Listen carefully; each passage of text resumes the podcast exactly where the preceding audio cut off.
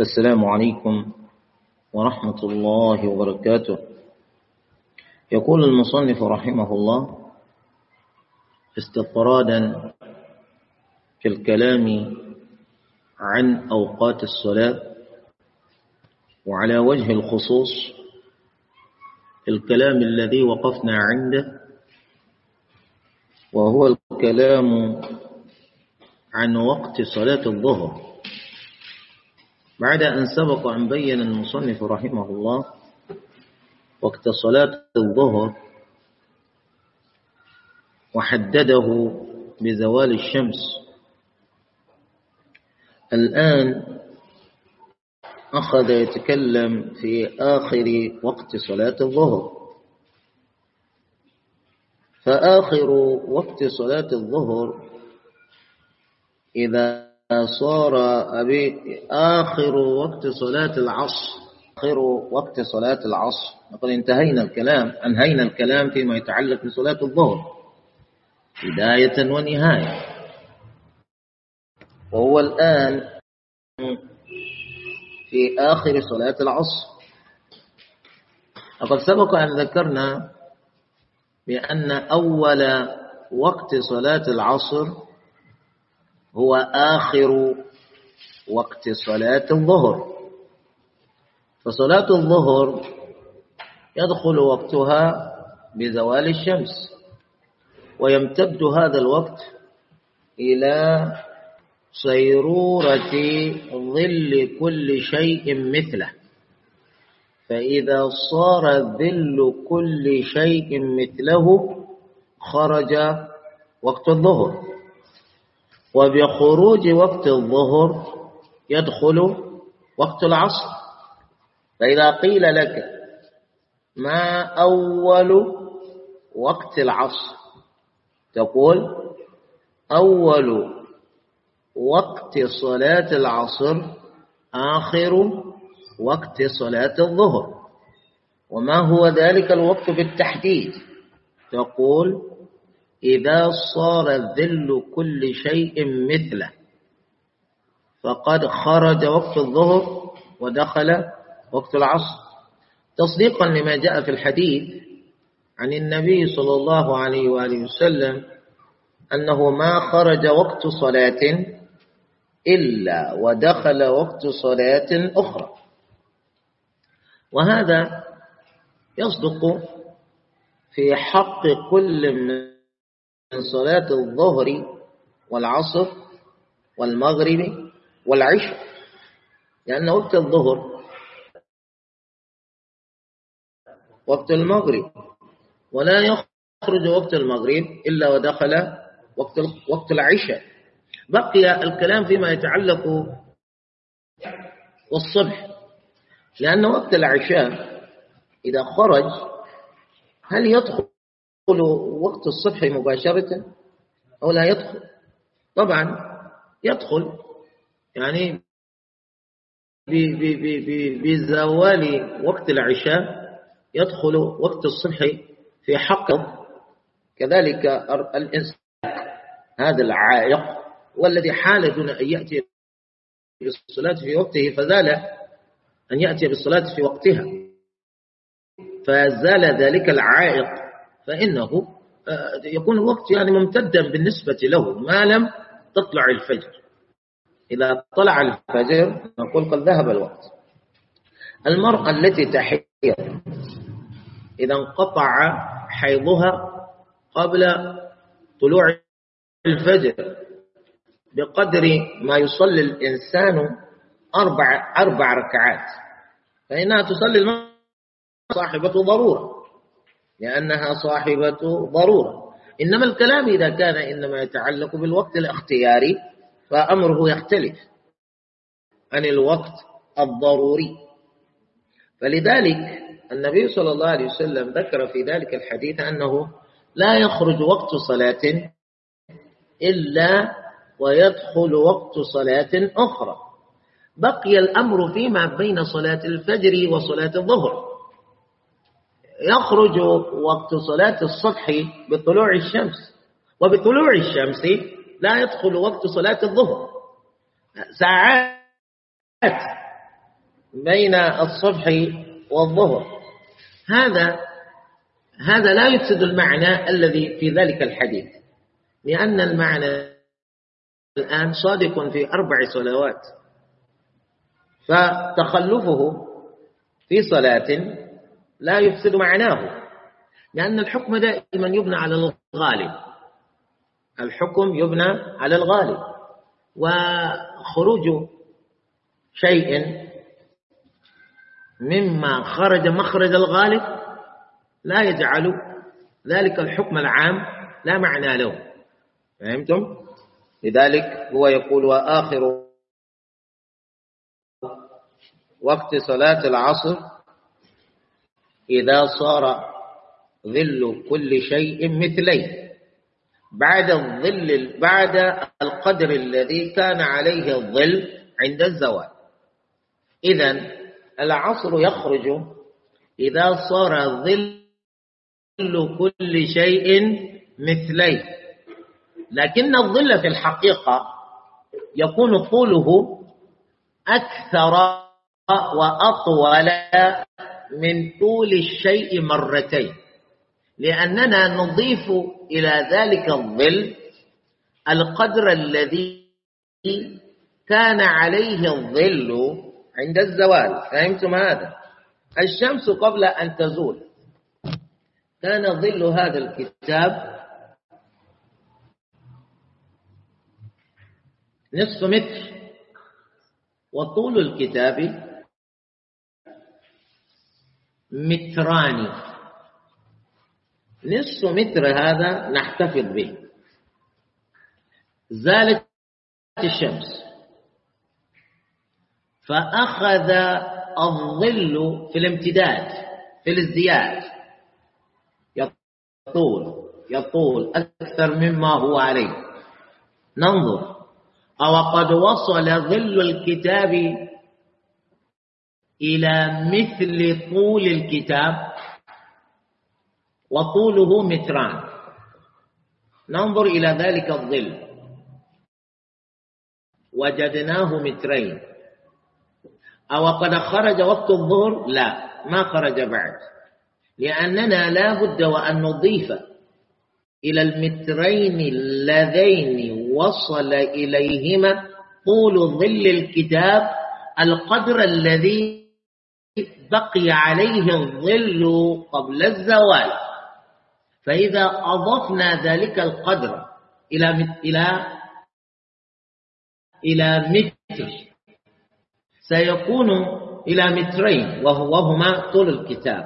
سيكون الظل في الحقيقة أطول من طول الكتاب وقت خروج وقت الظهر لأننا سوف نحسب قدر طول الكتاب والقدر الذي بقي عليه الظل عند الزوال. فبالتالي يكون ظل كل شيء. نتوقع أن يكون ظل الكتاب. وقت أن يصل ظل الكتاب إلى أربعة أمتار أن يصير ظل كل شيء مثلي والكتاب طول متران. إذا متى يصير ظل الكتاب مثلي طول الكتاب؟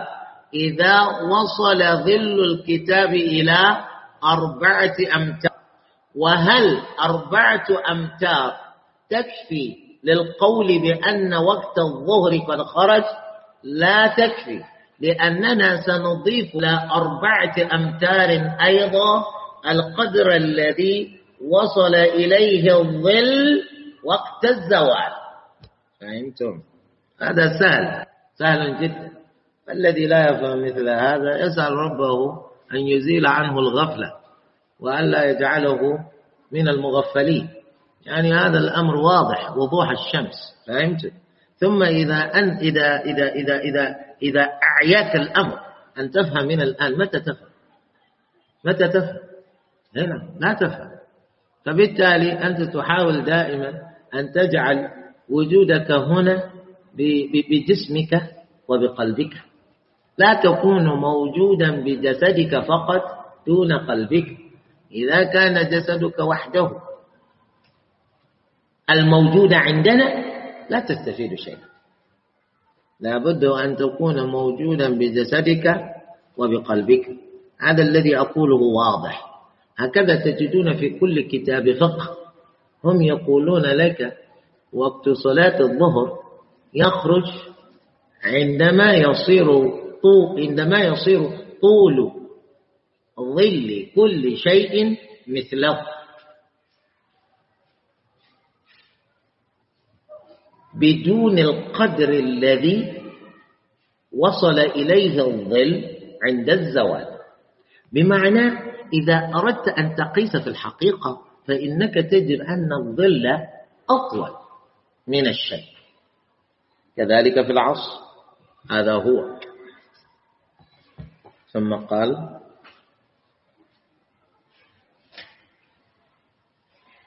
وفاقا للشافعي. أي هذا الكلام الذي قلناه في آخر وقت صلاة العصر هو مثل قول الإمام الشافعي. لماذا لا؟ والشافعي وإن قال بمثل هذا القول إنما قال بما أفاده حديث النبي صلى الله عليه وآله وسلم الذي لا ينطق عن الهوى. ونحن كلنا مخاطبون بالتقيد بما جاء في الكتاب والسنة. فإذا أنا أخذت بما جاء في الكتاب والسنة وأنت التزمت بذلك فإن الخلاف لا يقع بيننا. لا يقع بيننا الخلاف لأن التزام الكتاب والسنة ينهي الخلاف. مخالفتهما يبقي الخلاف. فلذلك الإمام الشافعي له قواعد. هذه القواعد غالية. من بين هذه القواعد أنه يقول إذا صح الحديث فهو مذهبي. إذا صح الحديث فهو مذهبي. وله قاعدة أخرى مماثلة. إذا قلت قولا فوجدتم حديثا للنبي صلى الله عليه وآله وسلم. ثابتا يخالف ما قلته. فاضربوا بقولي عرض الحائط. لا لا لا تعتوا قولي أي اعتبار من النظر. إنما أعطوا اعتباركم. كله لحديث النبي صلى الله عليه وسلم. إذا قلت قولا فوجدتم حديثا للنبي صلى الله عليه وآله وسلم مخالفا لما قلت فاضربوا بقولي عرض الحائط. من قال ذلك؟ الإمام الشافعي رحمة الله عليه. فلذلك هو حريص كل الحرص على أن يتمسك بكل ما جاء عن النبي صلى الله عليه وسلم. ولذلك يقول إذا صح الحديث وهو مذهب. وهذا دأب غيره من العلماء كالإمام مالك رحمه الله يقول كل يؤخذ من قوله ويرد إلا صاحب هذا القول. يعني كل في كلامه مقبول ومردود. إلا النبي صلى الله عليه وآله وسلم. النبي صلى الله عليه وسلم قوله كله الثابت مقبول. كل ما يأتي عن النبي صلى الله عليه وآله وسلم إذا كان ثابتا فهو مقبول. سواء كان ذلك مما يطيب لك ويروق لك أو مما لا يطيب لك ولا يروق لك يجب عليك أن تقبله. فلا وربك لا يؤمنون حتى يحكموك فيما شجر بينهم ثم لا يجدوا في أنفسهم حرجا مما قضيت ويسلموا تسليما. والإمام أحمد كذلك هو يقول كلاما بهذا المعنى ويقول حرام عليكم أن تأخذوا بقول مالك أو بقول سفيان. خذوا من حيث أخذوا. من أين يأخذ هؤلاء العلماء أقوالهم؟ يأخذون أقوالهم من الكتاب والسنة وهما موجودان. لماذا لا تأخذون منهما؟ وتحاولون أن تتفلتوا من الأخذ منهما. خذوا من حيث أخذ. كذلك أثر عن الإمام أبي حنيفة رحمة الله عليه قولا مماثلا مما يدلنا على أن العلماء هؤلاء ليسوا يسيرون على على الأهواء وإنما يسيرون على الأدلة يتمسكون بالأدلة ولا أحد منهم دعا أحدا إلى أن يتعصب له ولا أحد منهم قعد لنفسه قاعدة أن يقلد أبدا. إنما علموا الناس الدين.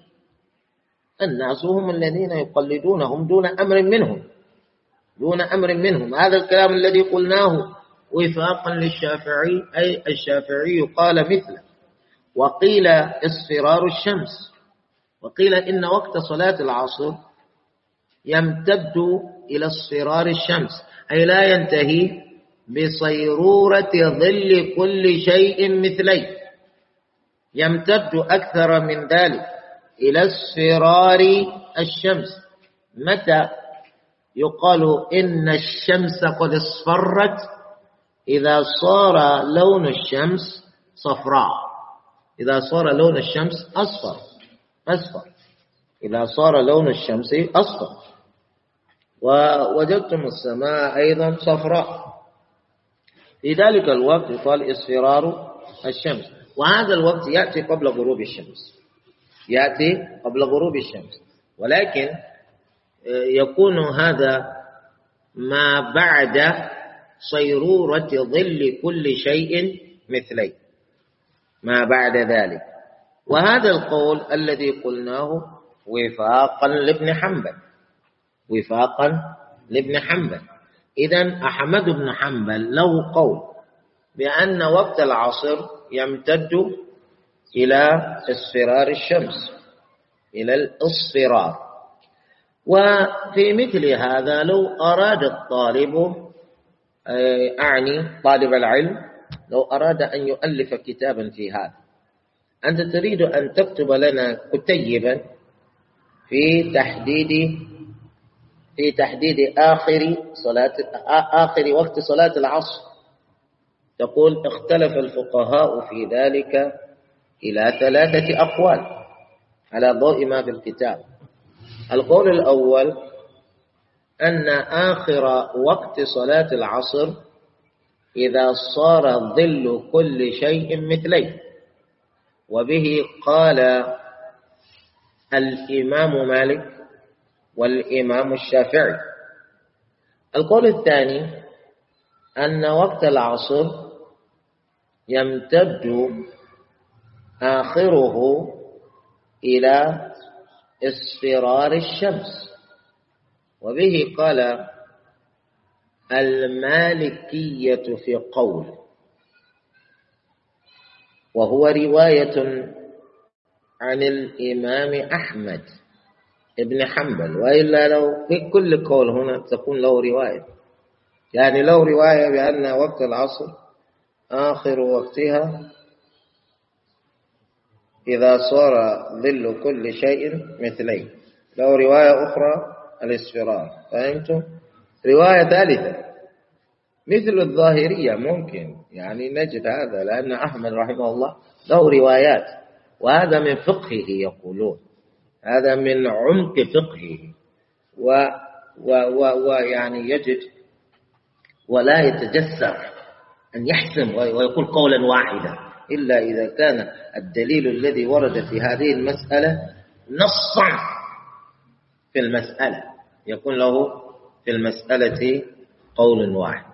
أما فيه أدلة كثيرة.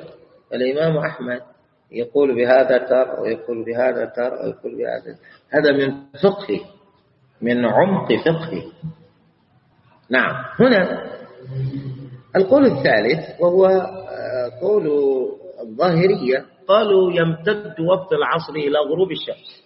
والله مشكلة. لأنهم يقولون الرسول صلى الله عليه وسلم يقول لا يخرج وقت صلاة إلا ودخل وقت صلاة أخرى صح؟ والحمد لله. لكن لو كان هذا دليلا له كان من المفترض أن يقولوا أيضا إن صلاة الصبح لا يخرج وقتها إلا عند الزوال. وهم ما قالوا هذا. ولا نقولهم بلازم قوله لا نقولهم بلازم قولهم وإنما نعاملهم على ما قالوه أما ما لم يقولوا لا نلزمهم به هذا هو لا شك أن أقوى هذه الأقوال الثلاثة القول الأول وهو أن وقت صلاة العصر آخر آخره إذا صار ظل كل شيء مثليه من غير القدر الذي وصل إليه الظل وقت الزوال. ولو أضفنا ذلك القدر إلى مثلي إلى مثلي طول الشيء لكان الظل في الحقيقة أطول من مثلي الشيء. فهمت؟ بفهم هذا تنحل المشاكل. تنحل المشاكل. ويفض النزاع. وتنتهي الخصومات في كثير من المساجد. الناس يتخاصمون أئمة ومأمومين. يا إمام أنت تؤخر الصلاة. لماذا؟ وقت العصر ما دخل؟ ما دخل. هم يقولون آه، أليس وقت العصر يدخل؟ إذا صار ظل كل شيء مثله نحن قسنا ظل هذا الرجل ووصل إلى طول الرجل.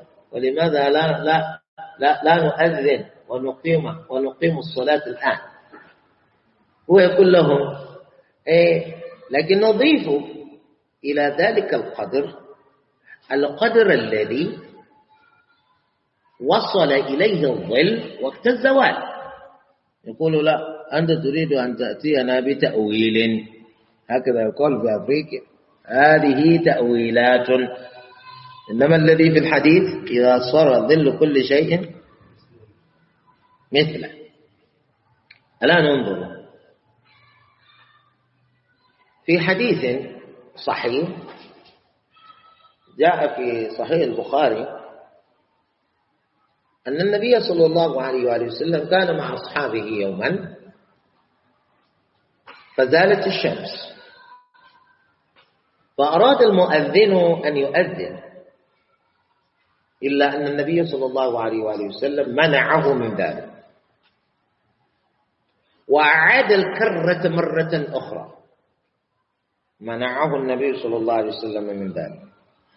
ولما أعد أعاد الكرة في المرة الثالثة أذن له النبي صلى الله عليه وسلم أن يؤذن حين بلغ ظل التل. حين بلغ ظل التل. بجوارهم تل. يعني رمال مجتمعة مجتمعة مجتمعة تشكل شكلا كالجبل كالهضبة. لكنه يعني آه التل هذا هضبة جبل ليس بطويل ليس بطويل. الظل بلغ طوله طول التل. في هذا الوقت أذن النبي صلى الله عليه وسلم للصحابي أن يؤذن لصلاة الظهر. ونحن نقول وقت الظهر يخرج إذا صار ظل كل شيء مثله. والصحابي يقول حين بلغ ظل التل أي حين صار ظل الهضبة مثل طول الهضبة أليس وقت الظهر قد خرج في ذلك الوقت؟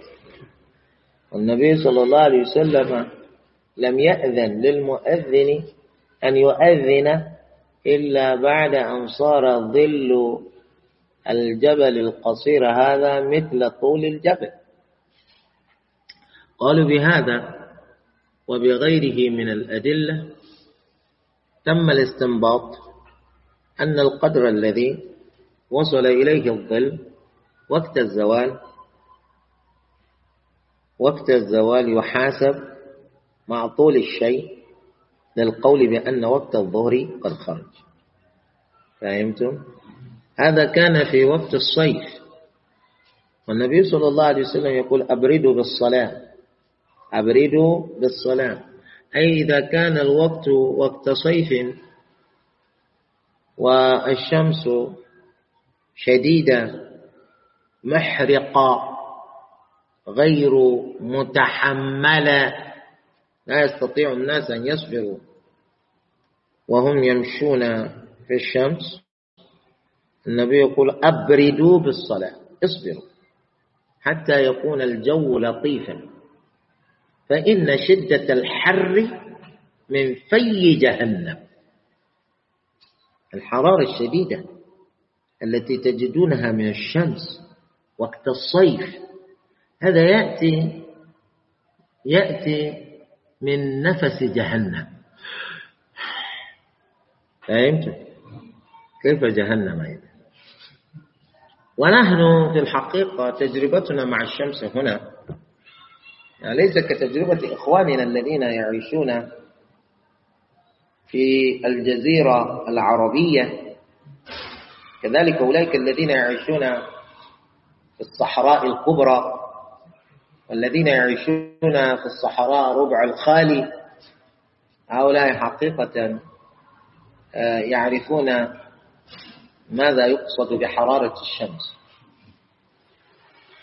نسأل الله السلامة وأن يقينا نار جهنم.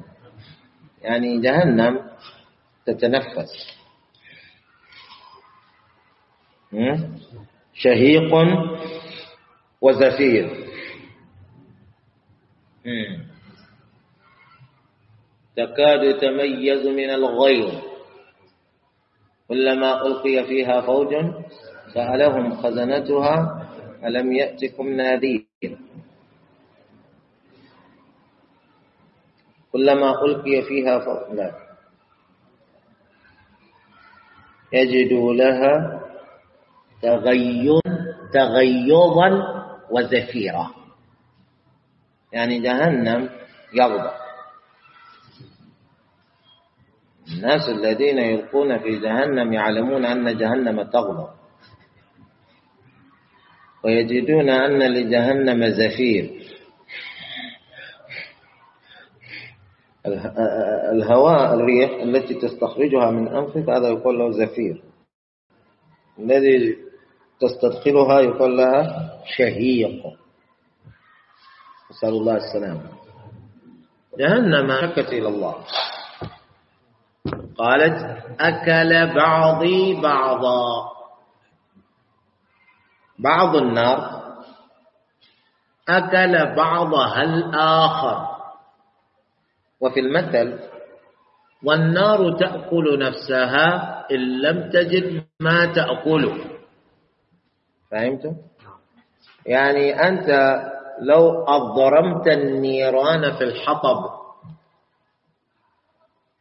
ولم تجعل ولم تجعل على النار شيئا تطبخه.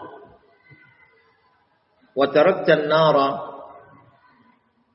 هكذا دون الاستفادة منها إذا عدت إليها بعد دقائق بعد ساعات.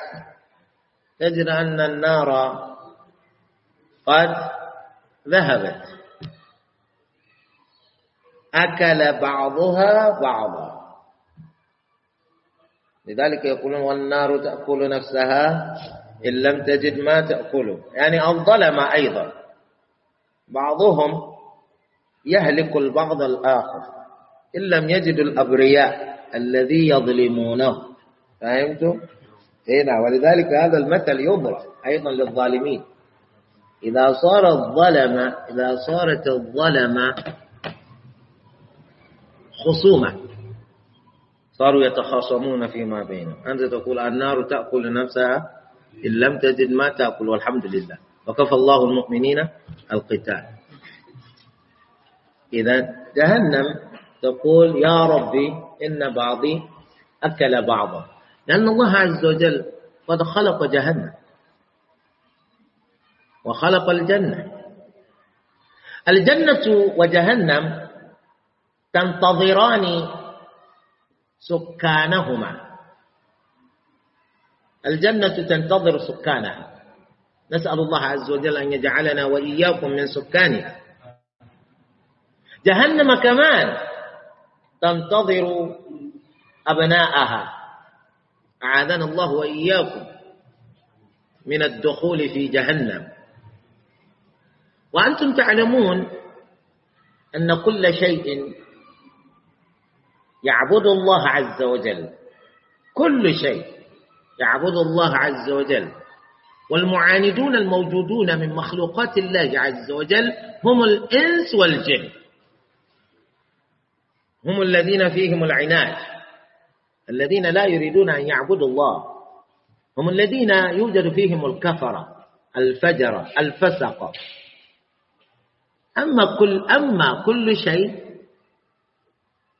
سوى الإنسان وسوى الجن كل شيء يسبح لله بحمده. يسبح لله ما في السماوات وما في الأرض وهو العزيز الحكيم. سبح لله ما في السماوات وما في الأرض وهو العزيز الحكيم. وإن من شيء إلا يسبح بحمده ولكن لا تفقهون تسبيحه. إذا كل شيء يسبح بحمد الله لكن نحن فينا الفجر وفينا الكفر وفينا المشركون وفينا الفسقة جهنم تريد أن تعبد الله بإحراق أبناء جهنم. إحراق جهنم لأبناء جهنم عبادة جهنم لله. تنعم أصحاب الجنة بالنعيم عبادة الجنة لله. فهمت؟ ولذلك ربنا وعد ووعده حق. لقد حق القول مني لأملأن جهنم من الجنة والناس أجمعين. فلأجل هذا لا تزال جهنم يلقى فيها المجرمون والكفار والمشركون والفسقة. وهي تقول هل من مزيد؟ هل من مزيد؟ هل من مزيد؟ لأن وعد الله حق. المكان لا زال كبيرا. المكان الذي هو خال كبير. هاتوا بهم. فالمكان موجود. هل من مزيد؟ هل من مزيد؟ حتى يضع رب العزة والجلال عليها رجلا وتقول قطن قطن. فتنزوي. فتنزوي. فتنزوي حتى تناسب في حجمها. عدد الموجودين فيها. فيكون وعد الله قد قد وفى به. لأن جهنم الآن على قدر أصحاب جهنم. لقد حق القول مني لأملأن جهنم من الجنة والناس أجمعين. ولذلك نقول للكفار ونحن ندعوهم إلى الإسلام كما نقول للمبتدعة ونحن ندعوهم إلى السنة كما نقول للفسق الفجر ونحن ندعوهم إلى صراط الله المستقيم. أسلموا تسلموا حتى تكونوا من أصحاب الجنة فإن الجنة لا تمتلئ إنما جهنم هي التي تمتلئ. فهمتم؟ ربنا يقول لأملأن جهنم لأملأن جهنم من الجنة والناس أجمعين. ربنا ما قال لأملأن الجنة والجنة لأملأن جهنم. لأن الجنة لا تمتلئ. جهنم هي التي تمتلئ. ولا تمتلئ هي أيضا إلا بعد أن يضع رب العزة والجلال عليها رجله وتقول قطن قطن. أما الجنة لا. فالله عز وجل يخلق لما بقي من مكان ومن نعيم في الجنة أناسا جدد. أناسا جددا ما عاشوا في الدنيا. الله يخلقهم للجنة. وهم الذين تمتلئ بهم الجنة. الحمد لله. إذا كان ذلك واضحا النبي صلى الله عليه وسلم قال أبردوا بالصلاة. هذا في وقت الصيف. فإن شدة الحر من فيح جهنم. من فيح جهنم. نسأل الله السلام. وأما العشاء فأول وقتها مغيب الشفق. والشفق هو الأحمر. الشفق الأحمر. لأن الشفق لأن الشفق شفقان. الشفق شفقان. الشفق الأحمر والشفق الأبيض. الشفق الأبيض يأتي بعد الأحمر. الشفق الأحمر هو ما يبقى في السماء من اصفرار واحمرار ما بعد غروب الشمس. إذا غربت الشمس تجدون اصفرارا في السماء احمرارا في السماء هذا اسمه الشفق. وقت العشاء لا يدخل إلا إذا ذهب ذلك الشفق. إذا ذهب ذلك الشفق. إذا ذهب ذلك الشفق دخل وقت العشاء. وهنا في أفريقيا خاصة في غرب أفريقيا نلاحظ أن الوقت الذي بين آه، المغرب والعشاء يمتد إلى ساعة وزيادة. ساعة وزيادة.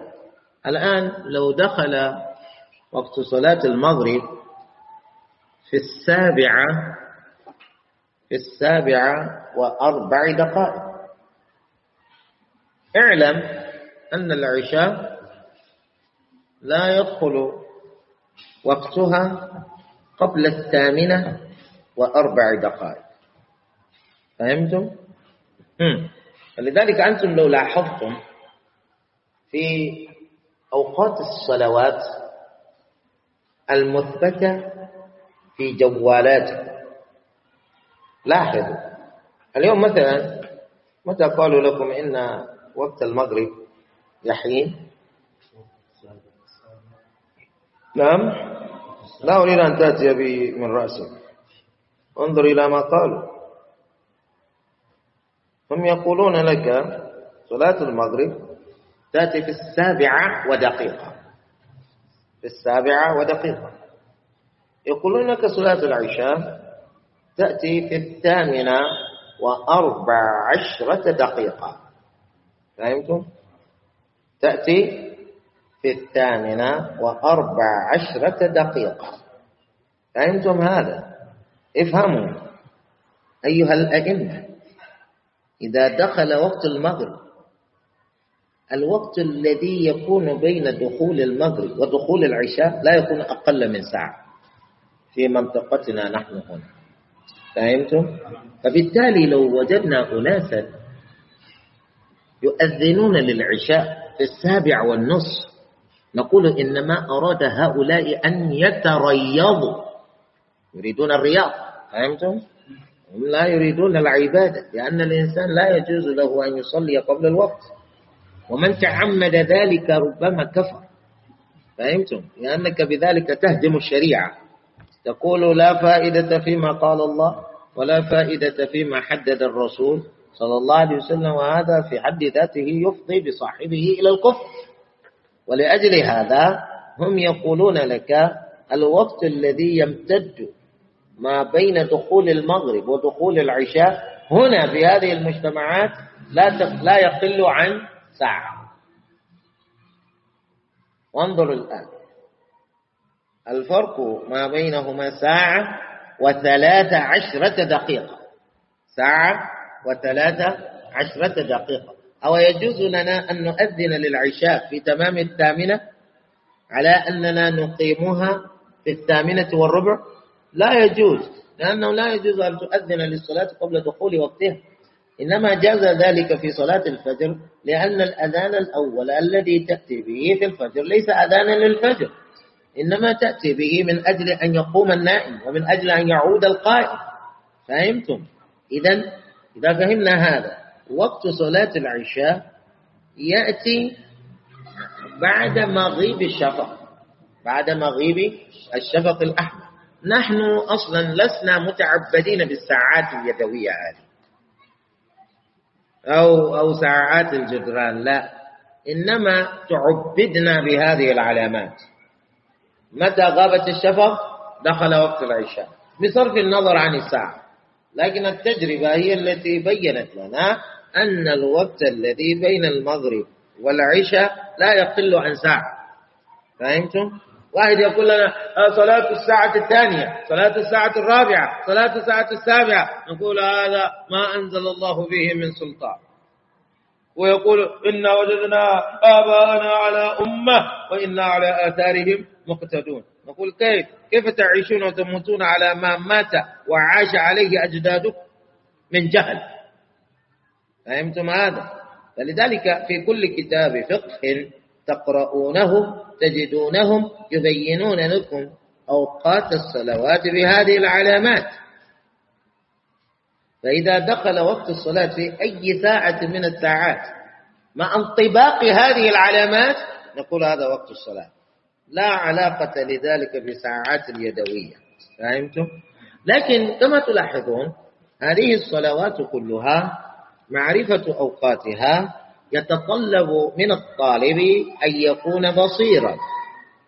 أن يكون بصيرا. الآن نريد أن نعرف وقت الزوال. يحتاج منك إلى أن تكون بصيرا. متى يصير ظل كل شيء مثله؟ يحتاج إلى البصر. متى يصير ظل كل شيء مثليه؟ يحتاج إلى البصر. ومتى غابت الشمس؟ يحتاج إلى النظر. كذلك هل غاب الشفق؟ يحتاج إلى النظر. كل ذلك يتطلب منك إلى أن تكون بصيرا. فهمتم؟ لذلك واحد يجادلك. قلنا نحن لا نرضى أن نصلي صلاة الظهر في الساعة الواحدة. هذا يخالف ما وجدنا عليه العلماء في بلادنا. ما في مشكلة. هذا لا يدعو إلى الخصام ماذا عندك من كتب الفقه؟ عندي أخضر. متن العزية. وعندي الرسالة. وعندي عشماوي وعندي مختصر خليل. هات الكتب هذه. ماذا قالوا في هذه؟ قرأنا وقالوا إذا زالت الشمس. تعرف بين لي معنى زالت الشمس. فأصاب في بيانه يقول تعال نطبق.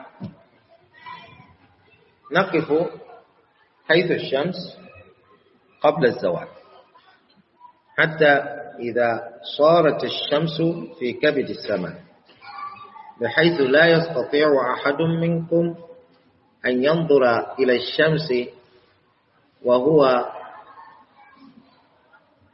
لابس وهو يرتدي قلنسوة إلا سقطت القلنسوة من رأسه فهمت؟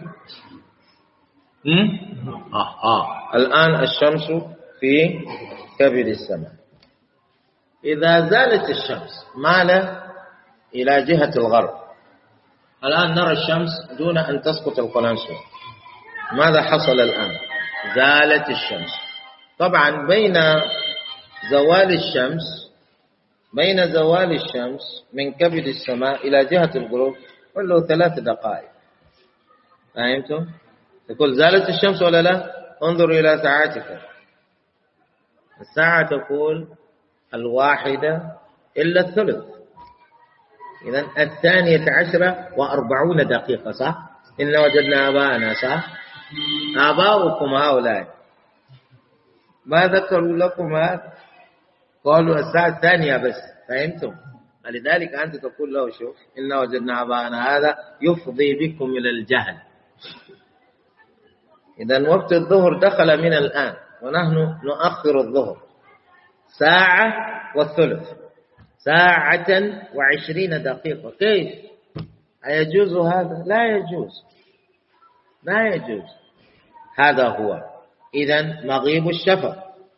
هذا الكلام عن صلاة العشاء وهو قول الإمامين.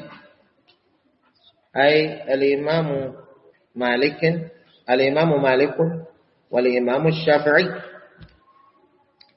والإمام أبو حنيفة يقول لا لا يدخل وقت صلاة العشاء إلا بعد مغيب الشفق الأبيض. فهمت؟ الشفق الأحمر هو الأول ظهورا بعد غروب الشمس. إذا غاب الشفق الأحمر جاء الشفق الأبيض. فهمتم؟ فإمام أبو حنيفة عنده وقت الصلاة يتأخر. لأنه يقول حتى يغيب الشفق الأحمر وجاء الشفق الأبيض حتى يغيب الشفق الأبيض. في ذلك الوقت نصلي العشاء. إذا وقت صلاة العشاء عنده متأخر شأنه كشأن صلاة العصر عنده. هذا هو الإمام أبو حنيفة رحمه الله. قبل العشاء. وأما المغرب فأول وقتها غروب الشمس إجماعا. صلاة المغرب اتفق العلماء بدون خلاف فيما بينهم. أن وقت المغرب يدخل عند مغيب الشمس. هذا لا خلاف فيه. فهمتم؟ لكن المقصود بالشمس قرص الشمس. قرص الشمس. هذا الدائري.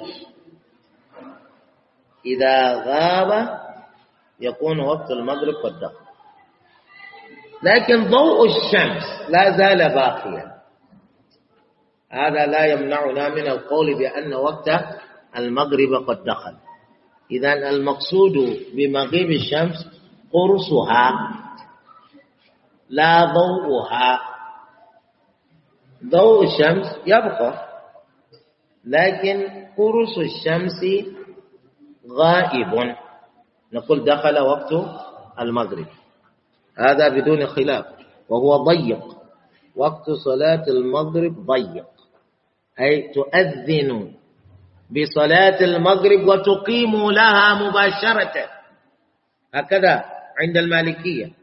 المؤذن يؤذن. الله أكبر الله أكبر. أشهد أن لا إله إلا الله. أشهد أن محمد رسول الله.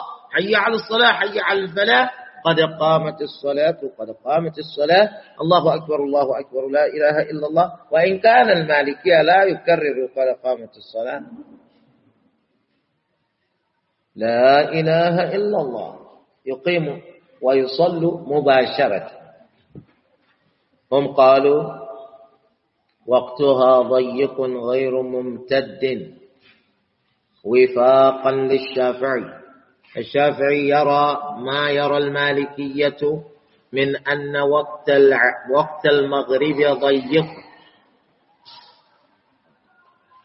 وقيل إلى مغيب الشفق قول ثاني أن وقت المغرب يمتد إلى مغيب الشفق وفاقا لأبي حنيفة وابن حنبل وهو الأصح. وهو الأصح. لأن القول بأن وقته ضيق مبناه على حديث جبريل حيث جاء إلى النبي صلى الله عليه وسلم ليبين له أوقات الصلوات. فأتى في كل يوم فأتى في يوم لكل صلاة في وقت. وفي اليوم الآخر أتى لكل صلاة في وقت مغاير للوقت الذي أتى لها في يومه الأول إلا المغرب. أتى لصلاة المغرب في اليوم التالي في مثل الوقت الذي أتى لها فيه في اليوم الأول. فاستنبط الفقهاء من هذا أن المغرب وقته ضيق. أما الصلوات الأخرى فقالوا أوقاتها موسعة لأن جبريل يقول في آخر الحديث ما بين هذين وقت ما بين هذين وقت. أي ما بين الوقت الذي أتيت بالأمس والوقت الذي أتيت اليوم وقت. والمغرب الوقت الذي أتى فيه بالأمس هو نفسه الذي أتى فيه هذا اليوم. إذا ما بين هذين وقت هذا وقته ضيق أما أبو حنيفة وأحمد بن حنبل ومالك في رواية فهم يعتمدون في قولهم بأن وقت المغرب ممتد على حديث روي عن النبي صلى الله عليه وسلم قولا وهو بالمدينة. قال فيه والمغرب ما لم يغب الشفق. والمغرب ما لم يغب الشفق. فعلمنا بذلك أن وقت المغرب ممتد كغير المغرب من الصلوات. وقتها ممتد. هذا هو الصواب إن شاء الله. فلذلك وقت المغرب يمتد. كامتداد وقت العشاء وكامتداد وقت العصر وكامتداد وقت الظهر والفجر. قالوا وأما حديث جبريل فقد أتى جبريل إلى النبي صلى الله عليه وسلم لبيان أوقات الصلوات في مكة. وهذا الحديث الآخر في المدينة. ومعلوم أن الحديثين المتعارضين إذا لم يمكن الجمع بينهما نلجأ إلى الترجيح. والقول بالنسخ ضرب من ضروب الترجيح. فنقول المتأخر قد نسخ المتقدم. المتقدم يقول وقت المغرب ضيق. المتأخر يقول وقتها موسع. إذا هذا مقدم على الأول.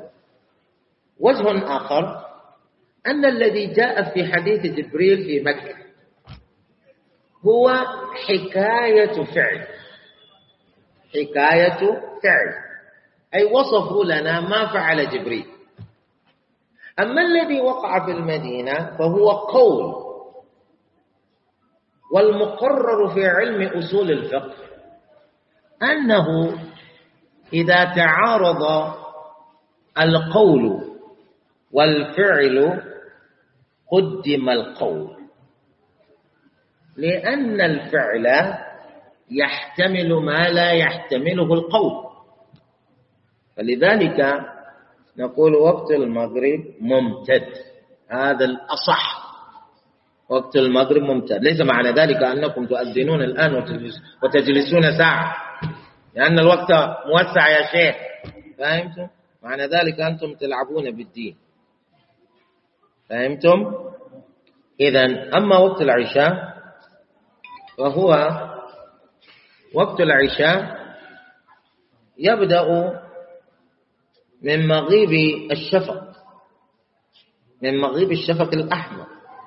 عند الإمام مالك والإمام الشافعي يبدأ بمغيب الشفق والأبيض عند أبي حنيفة. ويقول وقت العشاء يبدأ بمغيب الشفق الأبيض وهذا غريب. وعليه يكون وقت العشاء لا يدخل عند الإمام أبي حنيفة إلا بعد بعد مضي وقت من الليل. بعد مضي وقت طويل نوعا ما من الليل. والصواب الأول. الصواب الأول. لأنه جاء في ألفاظ آه، بعض الآثار تحديد الشفق بالأحمر. تحديد الشفق بالأحمر. وقد جاء في بعض الأحاديث إطلاق الشفق. والمقرر في علم الأصول أن المطلق أن المطلق يحمل على المقيد. المطلق الشفق يحمل على الشفق الأحمر على المقيد. هذا هو. وآخر وقت صلاة العشاء ثلث الليل. جاء في بعض الأحاديث أن آخر وقت العشاء ثلث الليل. وفاقا لهما. وهذا قال بمثله الشافعي وقال بمثله أبو حنيفة. هذا قول.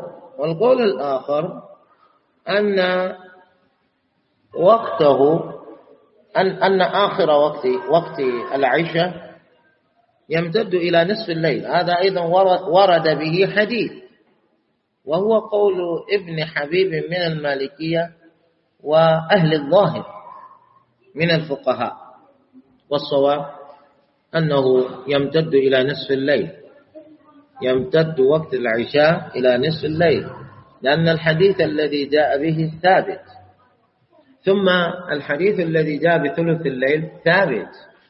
لماذا قلنا الأصح نصف الليل؟ اجتهدوا أنتم أيضا. حتى لا تجلسوا دون أن تعملوا فكركم. هذا ثابت وهذا ثابت. وقلنا نصف الليل أصح.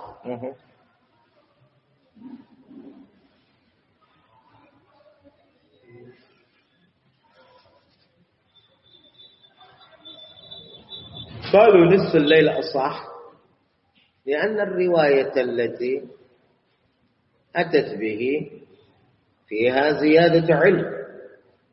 فيها زيادة علم.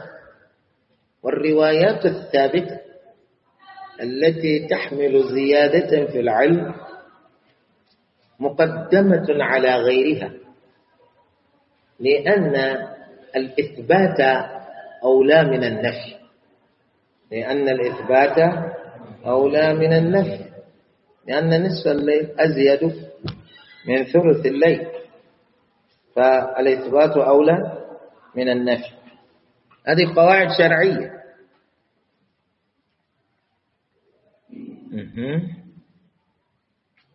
وأما الصبح فأول وقتها طلوع الفجر الصادق. هذا يستشف منه أن الفجر فجران. يستشف من هذا القول أن الفجر فجران. فجر صادق وفجر كاذب. فالمعتبر منهما الفجر الصادق. وهو الذي إذا طلع لم يغب. وإنما يمتد في الأفق. لتمتلئ السماء بياضا. لتمتلئ السماء بياضا. هذا هو الفجر الصادق. الذي إذا طلع لم تعقبه الظلمة. هذا هو الفجر الصادق. إذا طلع الفجر الصادق علمنا بأن وقت صلاة الفجر قد دخل بالإجماع. أي لا خلاف في ذلك. وآخره آخر وقت صلاة الفجر طلوع الشمس. إذا طلعت الشمس خرج وقت الفجر. فمن يصلي بعد طلوع الفجر إنما يصلي قضاء. اللهم إلا إذا كان ذلك الإنسان إنما انغمس في النوم فلم يستيقظ إلا بعد طلوع الشمس. فهو يصلي الصلاة في ذلك الوقت فذلك الوقت في حقه وقت لتلك الصلاة. لحديث النبي صلى الله عليه وسلم من نام عن صلاة أو نسيه فليصليها إذا ذكره فإنه لا كفارة له إلا ذلك فليصليها إذا ذكره.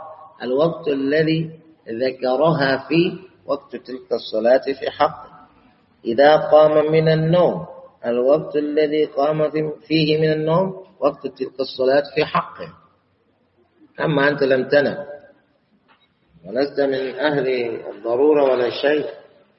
أصلا إذا طلعت الشمس فخرج وقت الفجر. من صلى بعد ذلك إنما يقضي وهل هو أهل لأن يقضي؟ أو ليس أهلا لأن يقضي. هذه مسألة أخرى. لأننا نقول له أنت أهملت, أهملت الصلاة عمدا ولم تصلي حتى خرج وقت الصلاة فلا وجود لخطاب شرعي خاص يدل على مشروعية قضاء تلك الصلاة في حقك.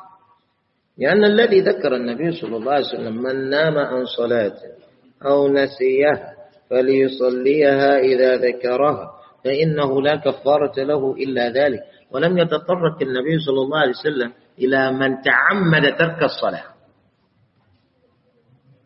ونحن بالاستقراء في الشريعة ما وجدنا دليلا لا من الكتاب ولا من السنة يدل على أن من تعمد ترك الصلاة مخاطب مخاطب بقضائها. ما وجد. فهمت؟ وعلى ذلك أنت تكون عاصيا عصيانا كبيرا. تستغفر ربك من يومك ذاك إلى يوم أن تموت. لعل الله إن شاء غفر لك. وتكثر من النوافل والاستغفار. لعل الله يغفر لك. لذلك لا تلعب بالصلاة تصلي في وقتها تصلي في وقتها. ومن العلماء كالشافعية والمالكية حتى الحنفية من يقول إن من تعمد ترك الصلاة يقضي بدليل الأولى. قالوا إذا كان الناس والنائم مخاطبين بالقضاء وهما صاحبا عذر معتبر شرعا والعذر هنا النسيان والنوم. فلأن يقضي من لا عذر له من باب أولى. فهمتم؟ قالوا هذا تنبيه بالأدنى على الأعلى. والعلماء من الحنابلة هؤلاء قالوا لا. هذا تعمد ترك الصلاة. لا وجه للاستدلال بمفهوم ذلك الحديث. لأنه هذا ليس معذورا. هذا تعمد ترك الصلاة وتعمده كاف كاف لمنعه من القضاء.